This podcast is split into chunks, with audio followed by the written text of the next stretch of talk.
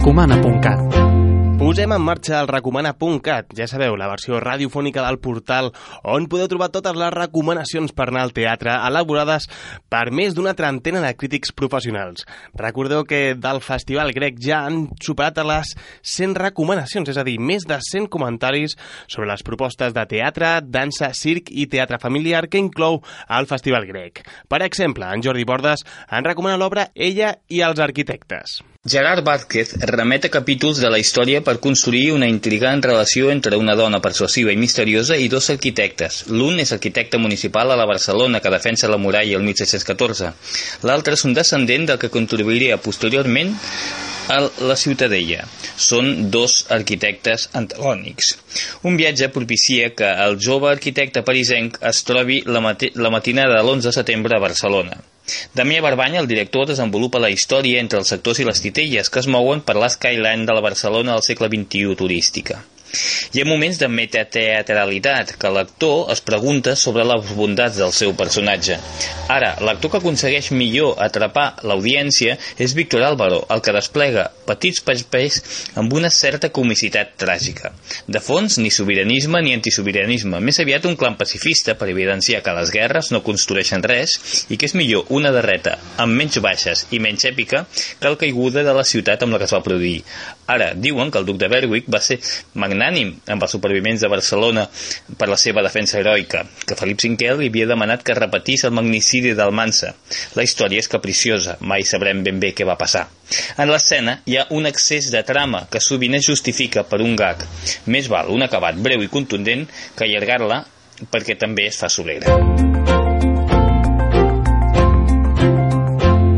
Ella i els arquitectes la podreu veure al Born Centre Cultural només fins diumenge.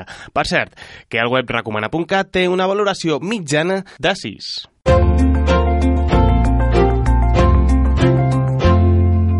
I en aquesta edició radiofònica de Recomana.cat no només comentem amb els crítics els espectacles que hem vist o parlem directament amb els protagonistes, sinó que també volem donar-vos un cop de mà a l'hora de fer-vos l'agenda del cap de setmana. I comencem parlant de l'obra La clausura de l'amor, escrita i dirigida pel francès Pasqual Rambert, i que fa uns anys va impactar força al Festival d'Avinyó. Els protagonistes són Bàrbara Lení, Premi Goya 2015, millor actriu protagonista i Israel Elejalde. Ells dos interpreten una parella que està en plena ruptura sentimental. De fet, tota l'obra és una conversa a base de monòlegs explicant d'una manera dura i fins i tot violenta com l'amor que els ha esvaït. Israel Elejalde. Entonces la obra se basa en, esa, en esos cuerpos hundidos de dos personas que realmente están hundidos y cómo a través de la palabra, a través de la fisicidad que existe también en las palabras, consiguen reconstruirse, consiguen volver a ponerse en pie. Porque finalmente conseguir decir determinadas cosas, el acto de hablar, es un acto absolutamente físico y reconstituyente, cuando uno consigue decir lo que piensa, consigue poner palabras a, las cosas, a sus sentimientos, evidentemente está presente, ¿no?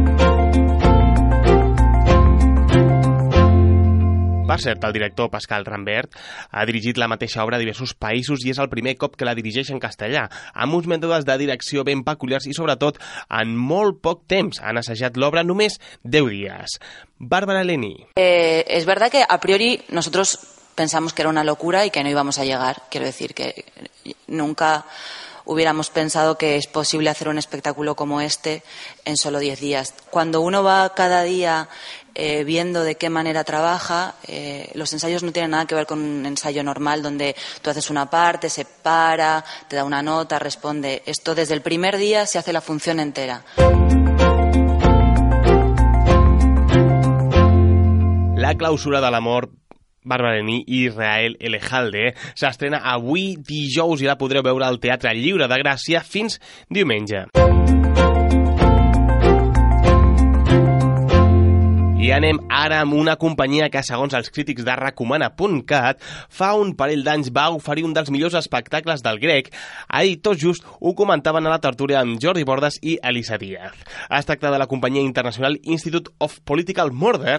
A l'escenari són experts en analitzar la cara més lletja de la realitat. Aquest cap de setmana estrenen l'obra de Civil Wars.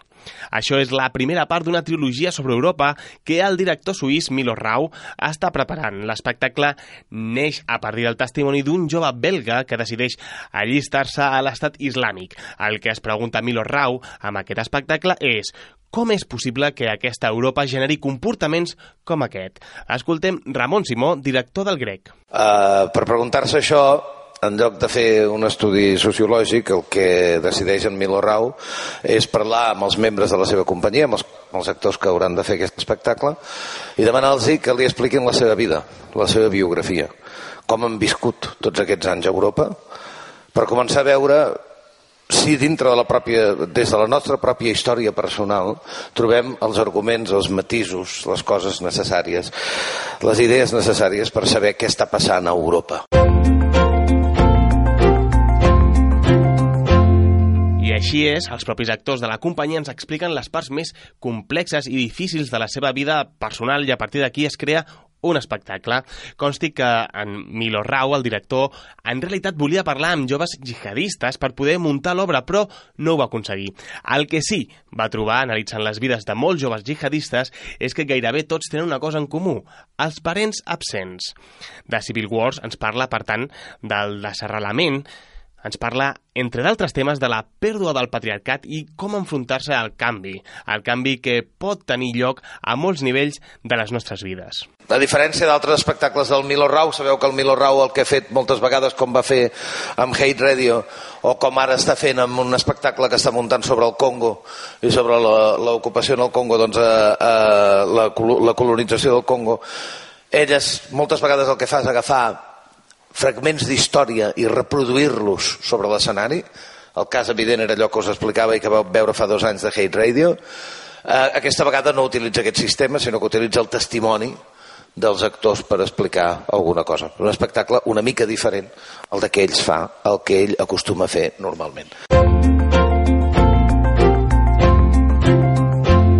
The Civil War s'estrena avui dijous i estarà al Mercat de les Flors fins dissabte. I si ara jo us anuncio que al Mercat de les Flors s'estrena un espectacle protagonitzat per Anna Hierro, Ramon Oriol o Bàrbara Roig, segurament aquests noms no ho són de res, perquè els protagonistes de l'obra titulada Només ens vol protegir del cel són gent anònima que puja per primer cop a l'escenari. Ens ho explica millor la Sílvia de la Gegnau, que és qui va tenir la idea i ha dirigit la proposta. Eh, els protagonistes de l'obra és un grup de set persones que no són actors, i, i el que hem intentat és buscar una situació en la que ells estessin còmodes per propiciar el, el fet de, de que ells puguin explicar històries. Llavors, el, diguéssim que és una pista de ball però al mateix temps és un velatori. De fet, comença sent un velatori i acaba sent una pista de ball.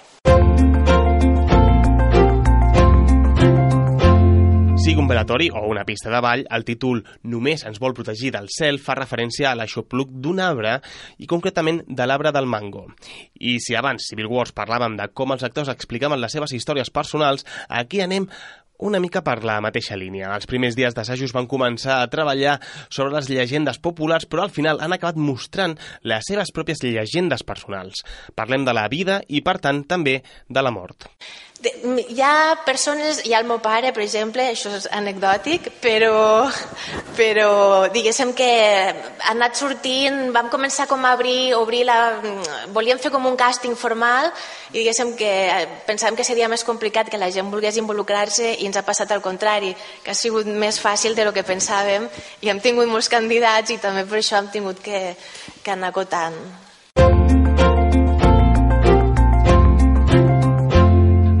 Clar que som davant d'una proposta escènica amb un relat i una dramatúrgia, una dramatúrgia on també hi ha participat en Ferran Dordal. Que en realitat és un espectacle on hi és tot això que ha explicat la Sílvia, però també té molt de pes la, interacció de diferents llenguatges, vull dir que en realitat té un paper essencial al vídeo, la dansa, el so, la música, vull dir que que una mica el que ha sigut difícil és teixir entre tots aquests elements aparentment discordants una reflexió al voltant de la mort. Però...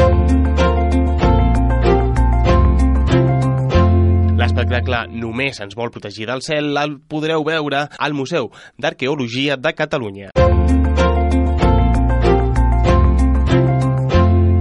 I dissabte teniu una única oportunitat per veure el grec, un espectacle de producció pròpia que en realitat és un concert sinfònic, una cosa que no passa gaire sovint. De fet, compta a l'escena amb l'Orquestra Sinfònica de Barcelona i Nacional de Catalunya. Parlem de Ninet Inferno, una proposta que neix de la partitura de Roland Aucet i els textos de Pascal Gregorí i Mathren Bols, a partir de sonets de Shakespeare. Ens parla Roland Aucet. Ce qui est frappant, en fait, sur l'interprétation des sonnets de Shakespeare, el que sobta d'aquests sonets de Shakespeare, i ho dic d'una manera molt resumida, és veure com mitjançant la tradició un home pot acabar trencant la vida d'una altra persona. I com diu Shakespeare, a partir d'aquí pot acabar també trencant la resta del món. I el que em sembla molt interessant de tot plegat és veure com aquesta condició és alhora molt contemporània i també antiga. De la condició d'un home traït per un altre.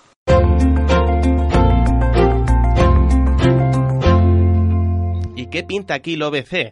Doncs posem que fa les funcions d'un cor clàssic i representa l'opinió públic que pren partit, expressa les seves opinions o directament condemna el que passa a l'escenari.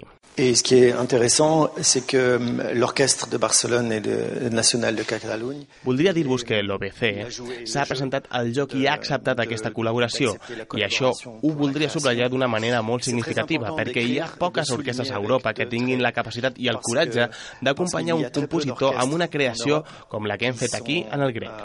Qui ont cette capacité et le courage d'accompagner des compositeurs qui font des actes de création, comme le Grec Festival. Dolor, còlera, però també desig i nostàlgia. Vaja, les emocions de Shakespeare en un espectacle únic i que té tots els números per ser tot un esdeveniment. La cita és dissabte a les 10 de la nit al Teatre Lliure de Montjuïc.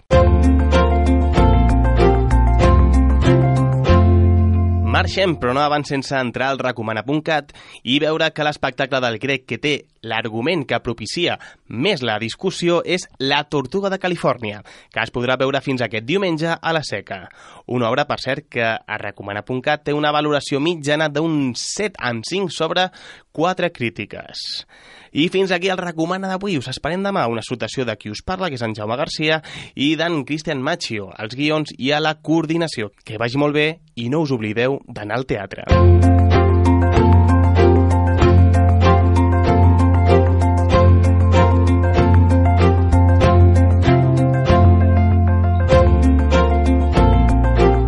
recomana.cat